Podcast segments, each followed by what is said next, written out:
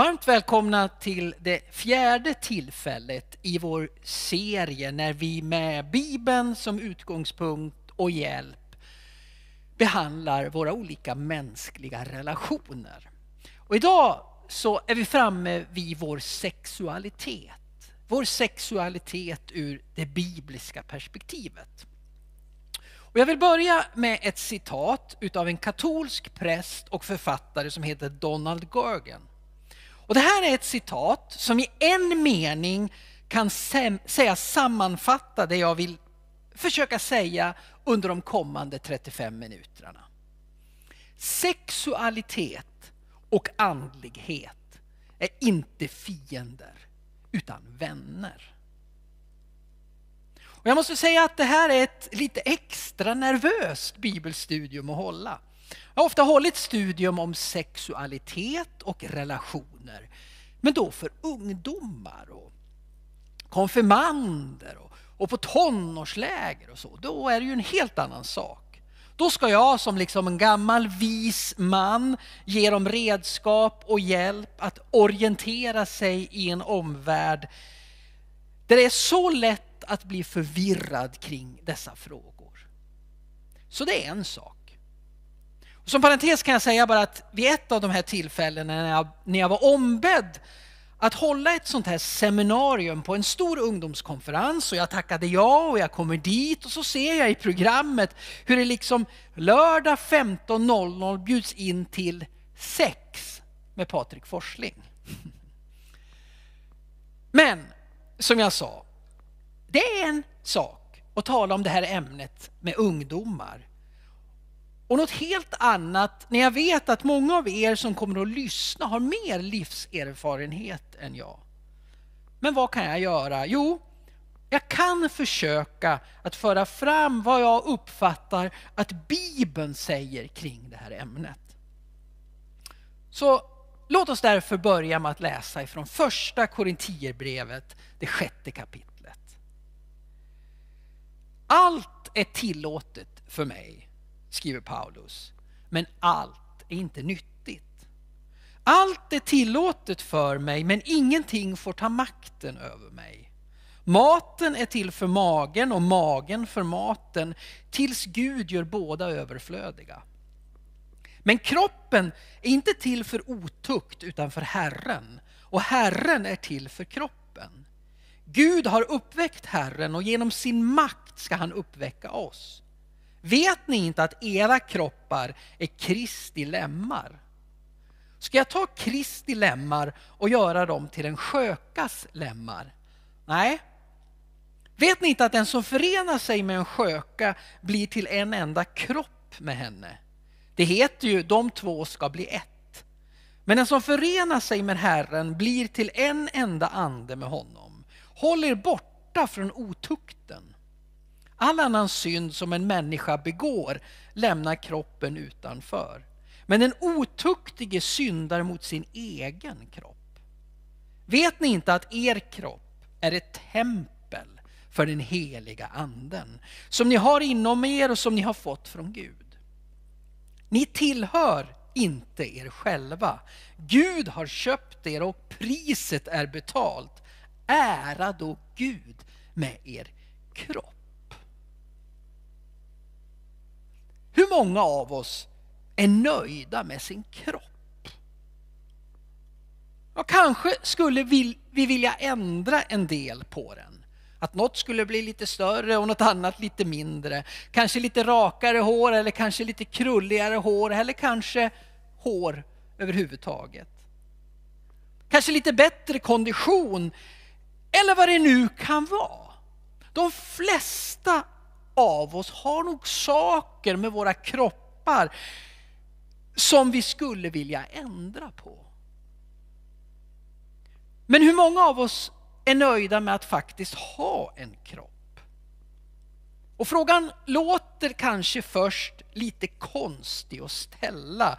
Men det är faktiskt så att kroppen periodvis i kyrkans historia har sett som en belastning så är vi människor här på jorden fast i en kropp också. Och den gnostiska uppdelningen och tanken och belastningen som jag talade om i förra studiet belyser detta. Och när jag växte upp så var det Antingen var det så att jag uppfattade det så, eller också var det så att man faktiskt sa så. Jag vet inte säkert, men jag fick uppfattningen av predikanter och bibellärare att det var bara genom att delta i kyrkans verksamhet eller genom att lusläsa sin bibel som man kunde få riktig glädje, få riktig lycka och att man kunde uppnå salighet i livet. Och man delar liksom upp världen i två delar där, där den ena delen var Guds och den andra var den ondes. Och det här är i sig spår av, eller i alla fall tankegods i samma härad som det gnostiska. 1989 så var jag på en konsert på Stockholms stadion. En fullkomligt briljant konsert med rockbandet Aerosmith. Och jag hade tillsammans med min kompis Urban, vi hade kört de där ungefär 30 milen ifrån Alfta ner till Stockholm. Och vi gick på den här konserten och så skulle vi köra samma sträcka hem igen på natten. Och under hela konserten så sa jag och Urban inte ett ord till varann. Inte ett enda ord.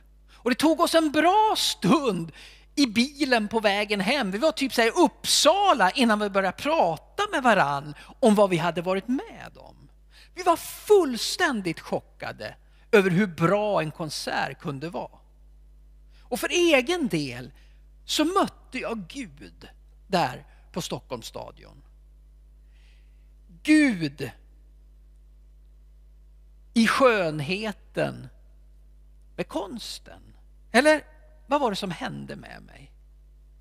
Och det där händer ofta i vardagen tycker jag också. När, när man kanske har goda vänner hemma på besök, man äter gott, man skrattar åt samma skämt, man njuter av varandras sällskap och så brukar jag stanna upp liksom i mitt inre och titta in den här situationen och så brukar jag tänka, Gud är verkligen här, mitt i vår gemenskap. Kanske ser du en vacker tavla som talar till dig om Gud. Och det har hänt att jag har tittat på en film och så har Gud talat direkt in i någon specifik situation i mitt liv genom den här filmen. Kanske är det ute i naturen, njuter av skidåkning eller kanske befinner du dig vid en sprakande brasa. Gud talar, naturen talar, skapelsen talar om Gud. Och våra egna kroppar de talar också om Gud. Talar om den som har skapat dem. Ja, hela våra liv är en helhet. Gud finns ju överallt och överallt så kan vi få möta Gud. För jag tror att vi alla delar den här erfarenheten av de gudomliga upplevelserna. Kanske inte på Stockholms stadion under Aerosmith, men långt utanför kyrkans väggar andliga upplevelser som inte främst kom när vi läste Bibeln eller när vi satt i djup bön. Och vi i kyrkan har kanske tidvis, i jämförelse med Bibeln, varit alltför trångsynta. Lyssna bara på kung David i psalm 24. Jorden är Herrens med allt den rymmer. Det är Gud som har skapat jorden. Och det är hans jord och han finns närvarande överallt i denna värld. Gud är alltid där. Frågan är snarare var vi befinner oss. De gamla grekerna de hade ett talesätt som beskrev deras syn på att vara människa. De sa maten är till för magen och magen är till för maten vatten. Det betyder ungefär att jag är en människa med fysikaliska behov som, som också kan mättas. Är jag hungrig så äter jag. Är jag trött så sover jag. Och på samma sätt var det med det sexuella behovet. Och därför gick männen här i Korint till prostituerade för att mätta sina behov. Och tycker man då som modern församlingsledare att det ibland kan vara stökigt i församlingen så kan man alltid glädja sig över att man inte är församlingsledare i Korint. Där männen gick raka vägen från gudstjänsten direkt till horhuset. Och det är bland annat det här talesättet som Paulus adresserar i verserna från första Korintierbrevet 6. Men också ett annat korintiskt talesätt. Allt är tillåtet. Allt är tillåtet. För de här fraserna var någonting betydligt mer än bara talesätt eller fraser som man slängde sig med. Gå inte över ån efter vatten. Det var ett sätt att tänka sina liv. Ett sätt att leva sina liv. Allt är tillåtet för mig, men allt är inte nyttigt. Allt är tillåtet för mig, men ingenting får ta makten över mig. Maten är till för magen och magen för maten, tills Gud gör båda överflödiga. Men kroppen är inte till för otukt, utan för Herren. Och Herren är till för kroppen. Allt är tillåtet. Det var ett uttryck som Paulus ansåg, ja men det är rätt, det stämmer. Allt är tillåtet. Men att slutsatsen av detta uttryck som församlingsmedlemmarna i Korint drog av det, de var felaktiga. Maten är till för magen och magen för maten var ytterligare ett talesätt som användes i den här betydelsen typ, jag gör vad jag vill. Maten den går ner i magen och där smälter den så småningom bort. Och därför har maten inte något evighetsvärde. Men så använder korintierna samma uttryck för att beskriva det sexuella. Maten är till för magen och magen för maten. Alltså det är okej okay att tillfredsställa det sexuella begäret med vem jag vill för det handlar bara om min kropp. Det handlar bara om min kropp. Och det här låter oerhört modernt, eller hur? Sverige 2021. Nej, nej, säger Paulus, Riktigt så enkelt är det inte. Och så undervisar han dem om Guds väg genom sexualiteten. För Paulus han drar andra slutsatser än korintierna i allmänhet. Det är inte okej okay att, att, att tillfredsställa det sexuella begäret med vem jag vill. Och han bryter här med hur de tänkte om vad det innebär att vara en människa. Ja, Paulus han uppgraderar vad det innebär att vara en människa. Genom att säga att vi som människor, vi är inte utlämnade åt våra lustar. Utan vi är skapade av Gud och vi kan leva ett högre syfte med våra liv än att bara tillfredsställa våra lustar. Ja, våra kroppar, de spelar en stor roll i vad det innebär att vara en kristen. Hur vi använder våra kroppar spelar en roll i hur vi ärar Gud. Varför? Jo, de spelar så stor roll för att de är faktiskt den nya plats där Gud själv bor. Ja, Paulus han hävdar att våra kroppar inte bara är våra kroppar utan ett tempel för den helige ande. Templet i Jerusalem, ni vet, det var ju platsen där Gud bodde innan Jesus. Och efter Jesus så bor Gud i våra kroppar. Så detta måste, säger Paulus, få andra konsekvenser för era liv för era sexuella liv än att allt är tillåtet. Och kroppen är inte bara en kropp som vi kan göra hur vi vill med. Och Det här är stort. Så som, som jag sagt redan flera gånger och vi är bara inne vid det fjärde studiet i den här lilla bibelstudieserien om relationer. Jesu inkarnation uppgraderade kroppens betydelse. Kärlekens främsta redskap är kroppen. Det är genom kroppen vi förmedlar kärleken. Och här kommer också sexualiteten in, då den på ett så tydligt sätt visar att människan är skapad till Guds avbild.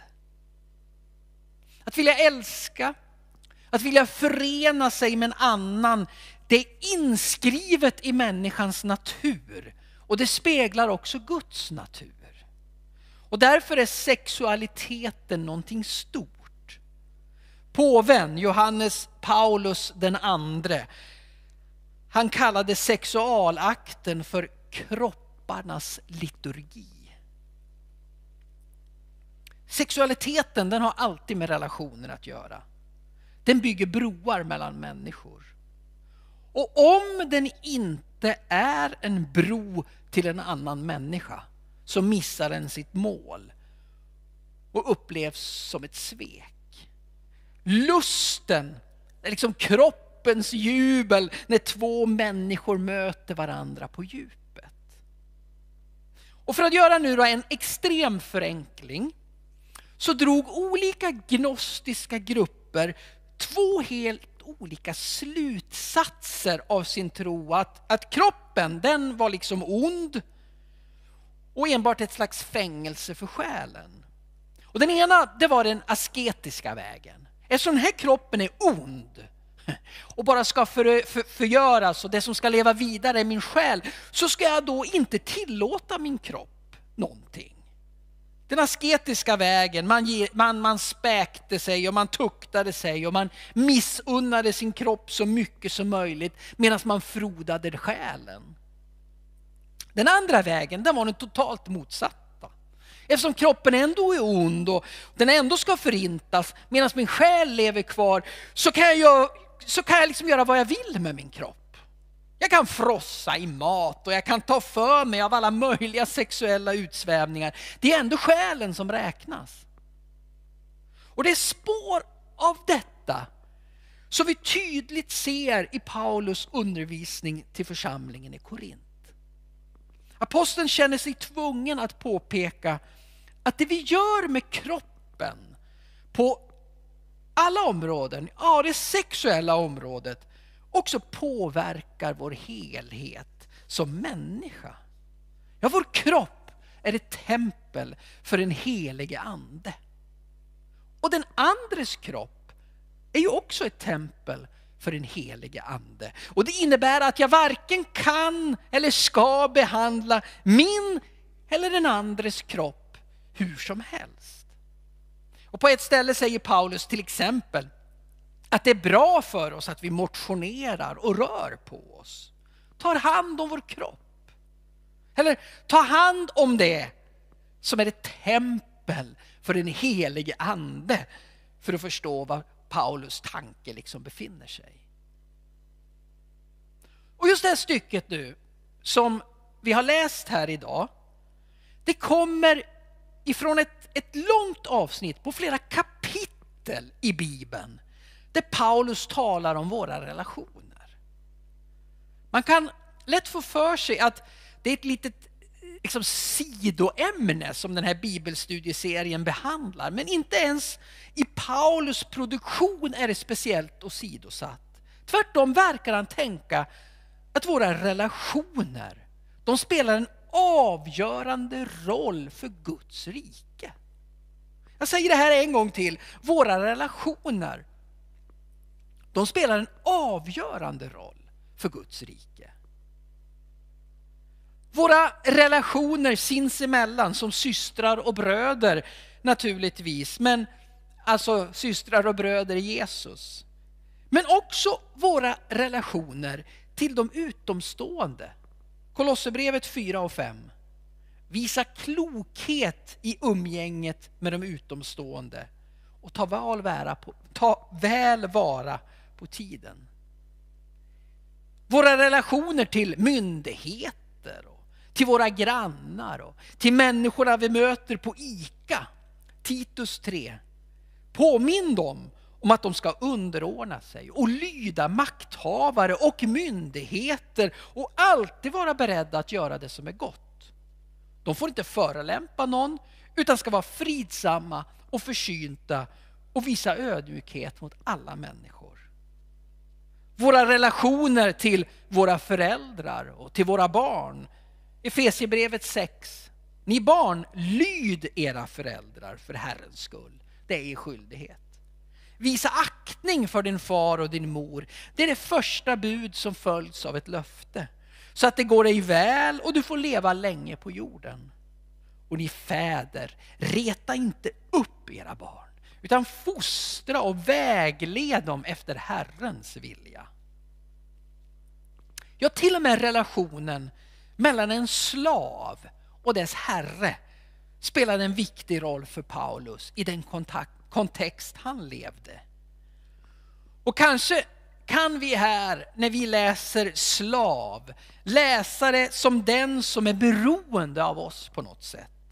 Eller den som bryter den kobolt vi behöver för vår senaste smartphone. Eller vad det nu kan vara. Efesierbrevet 6.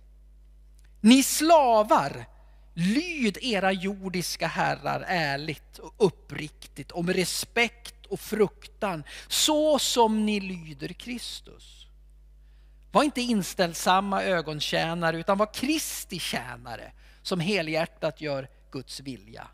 Tjäna villigt och glatt, det gäller ju Herren och inte människor.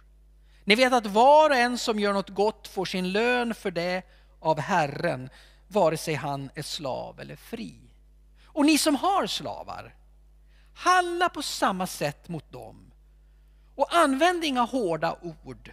Ni vet ju att de och ni har samma Herre i himlen och att han tar inte hänsyn till person. Ja, det här blev en ganska lång exemplifiering på olika relationer som Paulus talar om. Och i Korintierbrevet där vi befinner oss i dagens text så handlar kapitel 4 om osämja i församlingen. Kapitel 5 handlar om ett speciellt fall av otukt. Kapitel 6 som vi har läst om vår sexualitet. I kapitel 7 så svarar Paulus på frågor om äktenskapet. Senare i samma brev så kommer han, att, kommer han att behandla relationen mellan män och kvinnor i gudstjänsten. Och ännu senare får vi ett helt kapitel om kärleken. Och mitt i allt detta, som handlar om våra mänskliga relationer, avgörande för Guds rike så spelar såklart också den närmaste kärleksrelationen roll. Den som är så intim att den innehåller den sexuella akten. Ja, den spelar en roll för helheten, för Guds rike på denna jord. Hur vi handlar och hanterar våra relationer, tycks Paulus mena. Och jag har redan varit inne på att vi i vår tid, liksom på Nya Testamentets tid, frestas tro att kärleken handlar om våra inre liv. Att, att våra inre liv och det vi gör med vår kropp skulle vara två olika saker. Vi kan tänka att kärleken den rör ett inre liv, någonting som handlar om våra tankar, våra fantasier, våra känslor. Men kärlekens främsta redskap är kroppen. Det är genom kroppen vi förmedlar kärlek. Och försöker vi med någon slags samhällets perspektiv tänka att det jag gör mot min kropp inte har med mitt inre liv att göra, så lurar vi bara oss själva. Redan i Bibelns första kapitel så slår författaren fast att detta med att vi är Guds avbild på, någon, på något sätt har med våra kön att göra. Jag som man, jag är inte ensam Guds avbild och kan aldrig bli. Och du som kvinna är inte ensam som kvinna avbild, utan enligt första Mosebok 1 Gud skapade människan till sin avbild. Till Guds avbild skapade han henne, som man och kvinna skapade han dem. Gud välsignade dem och sa till dem, var fruktsamma och föröka er. Uppfyll jorden och lägg den under er. Härska över havets fiskar och himmelens fåglar och över alla djur som myllrar på jorden. Var fruktsamma och föröka er. Det är väl antagligen den befallning av Gud som vi människor har följt allra bäst. Vi är alltså skapade till man och kvinna. Och det är den här enheten som gör att vi är en avbild av Gud. I skapandet av Guds avbild finns det manliga och det kvinnliga. Och det är den här enheten som uttrycks, ja, kanske som allra tydligast i det sexuella umgänget. Kropparnas liturgi, som påven sa. Vår mänskliga sexualitet, det är liksom inte bara ett slumpartat arrangemang för att hålla den här arten, människan, vid liv. Utan det rör vid någonting som är själva kärnan av det mänskliga. Vår sexualitet och vår förmåga att älska och att låta sig älskas är intimt förbundna med att vi har skapats till Guds avbild. Och det här, det är den höga synen på människans sexualitet. I sexualiteten så visar vi genom våra kroppar att vi i likhet med Gud lever genom att ge. Kroppen är oss given för att vi ska kunna ge kärlek konkret och handgripligt. Detta är min kropp utgiven för er, säger Jesus. Och här är liksom människans ursprungliga bestämmelse och kallelse. Det är genom kroppen som vi förmedlar kärleken. Paradoxalt nog så har det genom kyrkans historia snarare funnits en nedvärderande syn på kroppen och på sexualiteten. Det har, som jag redan har varit inne på funnits en oerhört nedvärderande syn på våra kroppar.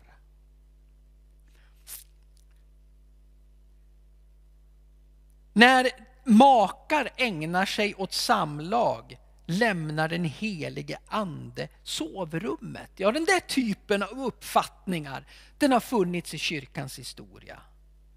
Yves av Chartres han, han rådde de troende att avhålla sig från samlag på torsdagar till minne av Kristi himmelsfärd. På fredagar till minne av korsfästelsen. På lördagar till jungfru Marias ära. På söndagar till åminnelse av Kristi uppståndelse och på måndagar av respekt för de hädnagångnas själar. Men tisdag och onsdag, då var det bara att köra. Men när sex blir det förbjudna, det smutsiga, det, det som man står emot, eller i alla fall det som är motsatsen till det andliga, så har den bibliska grundläggande tanken om omsorg förvandlats till ren kroppsfientlighet. Och då blir begäret i min kropp någonting som ska bekämpas. Vår egen kropp blir liksom det onda det jag känner och det jag längtar efter är någonting som jag ska kämpa emot. Och så lägger du på här undervisning av generade pastorer som säger ungefär håll händerna på täcket eller inte mer än än, än pussar och hålla handen innan du är gift eller över midjan är det tillåtet men absolut inte under midjan. Ja, vad det nu kan vara. Den här typen av slagord och undervisning som har hamrats in utan att ge så mycket mer vägledning eller hjälp för oss att kunna hantera vår sexualitet på ett bra sätt har ju snarare saboterat för oss än hjälpt oss. Och om budskapet från kyrkan får mig att känna att, att sex det är någonting som är förbjudet. Det är någonting som är fult. Så ligger det ju mycket nära till hands att sex blir mer förknippat med skuldkänslor än någonting som är vackert, någonting som väcker förundran och tacksamhet. Och på det sättet så då tar man ifrån människor den enormt goda gåva som Gud har gett. Och så har kyrkan på något sätt mitt i allt detta lyckats förminska Guds godhet. Och det är ju bakvänt. Ja, redan Augustinus, han talade i sin enormt inflytelserika bok om Gudsstaten, så sa han, eller han talade om den skam som hör samman med sexuellt umgänge. Alltså Augustinus han såg sexuellt samliv inom äktenskapet som en synd. Dock en ursäktlig synd om det var frågan om någonting annat än att avla barn. Och många av oss i frikyrkan, vi har en erfarenhet av antingen en total tystnad på området eller ett väldigt fördömande eller förkrympt synsätt på sexualiteten. Och Det här har inte varit en bra väg och det har skapat många problem på det sexuella området också bland kristna gifta par. För hur ska man liksom plötsligt kunna hantera det man har hållit sig ifrån med näbbar och klor och sen så ska det helt plötsligt vara det vackraste som finns. Och jag har idag flera gifta vänner som säger rent ut att de ångrar att de höll sig tills de gifte sig. För även som gifta finns det kvar där spärrarna, obehaget, skamkänslan över kåtheten som de känner. Kroppens begär blir liksom smutsiga. Men som jag redan sagt otaliga gånger de senaste bibelstudierna så har Jesus och tron på en inkarnerad Gud, en Gud som blev kropp, som blev kött, uppgraderat synen på kroppen. Om människan är skapad till Guds avbild så måste det också komma fram i hennes kropp. Men kropp och det inre livet, det hör ihop. Min kropp och mina känslor hör ihop. Mina tankar och mina fantasier och min kropp hör ihop. Ett av problemen med pornografin, för det finns naturligtvis massor med, med problem just med porren och det är ju en av mänsklighetens smutsigaste industrier. Jag tänkte inte fördjupa mig i det här idag, men ett tydligt problem med pornografin är inte att det betonar det sexuella för mycket, utan att det inte betonar det tillräckligt. Porren den eliminerar gemenskapen och begränsar sexualiteten till att enbart gälla vår kropp. Och ännu mer specifikt våra könsorgan. Och det har trivialiserat det sexuella till att bara handla om vår kropp. Och det är den låga synen på människans sexualitet. Det blir som, som om sex bara handlar om våra könsorgan eller teknik eller hur våra kroppar är formade. När det kan vara minst lika mycket sexuellt att prata över en kopp te på ett café. Diskutera en, en god bok tillsammans. Titta på solnedgången. Ja, det är sexualitet av bästa slag då ett älskade par står varandra nära. För sexualiteten, den handlar om att komma en annan människa nära. Så nära som det mänskligt sett är möjligt. Och sexuellt umgänge är naturligtvis en del av helhetsbilden. Men mänsklig sexualitet, det är någonting som är mycket större och verkligare och viktigare än bara samlag. Sexualitet är någonting mer och betydligt större än hur exempelvis pornografin försöker föreställa den. Porr. Ordet kommer ju från grekiskans porno som betyder svin. Ja, porren den försöker liksom dela upp sexualiteten till att handla om vissa kroppsdelar, vissa moment, vissa tekniker. Och det porr gör det är att trivialisera sex, begränsa den medan Bibeln målar upp en bild där allt finns med. Ömhet, närhet, samtal och samlag och så blir det tillsammans till en god helhet. Gud han har tänkt någonting större, någonting bättre, någonting skönare för oss. Så varför ska vi nöja oss med det lilla?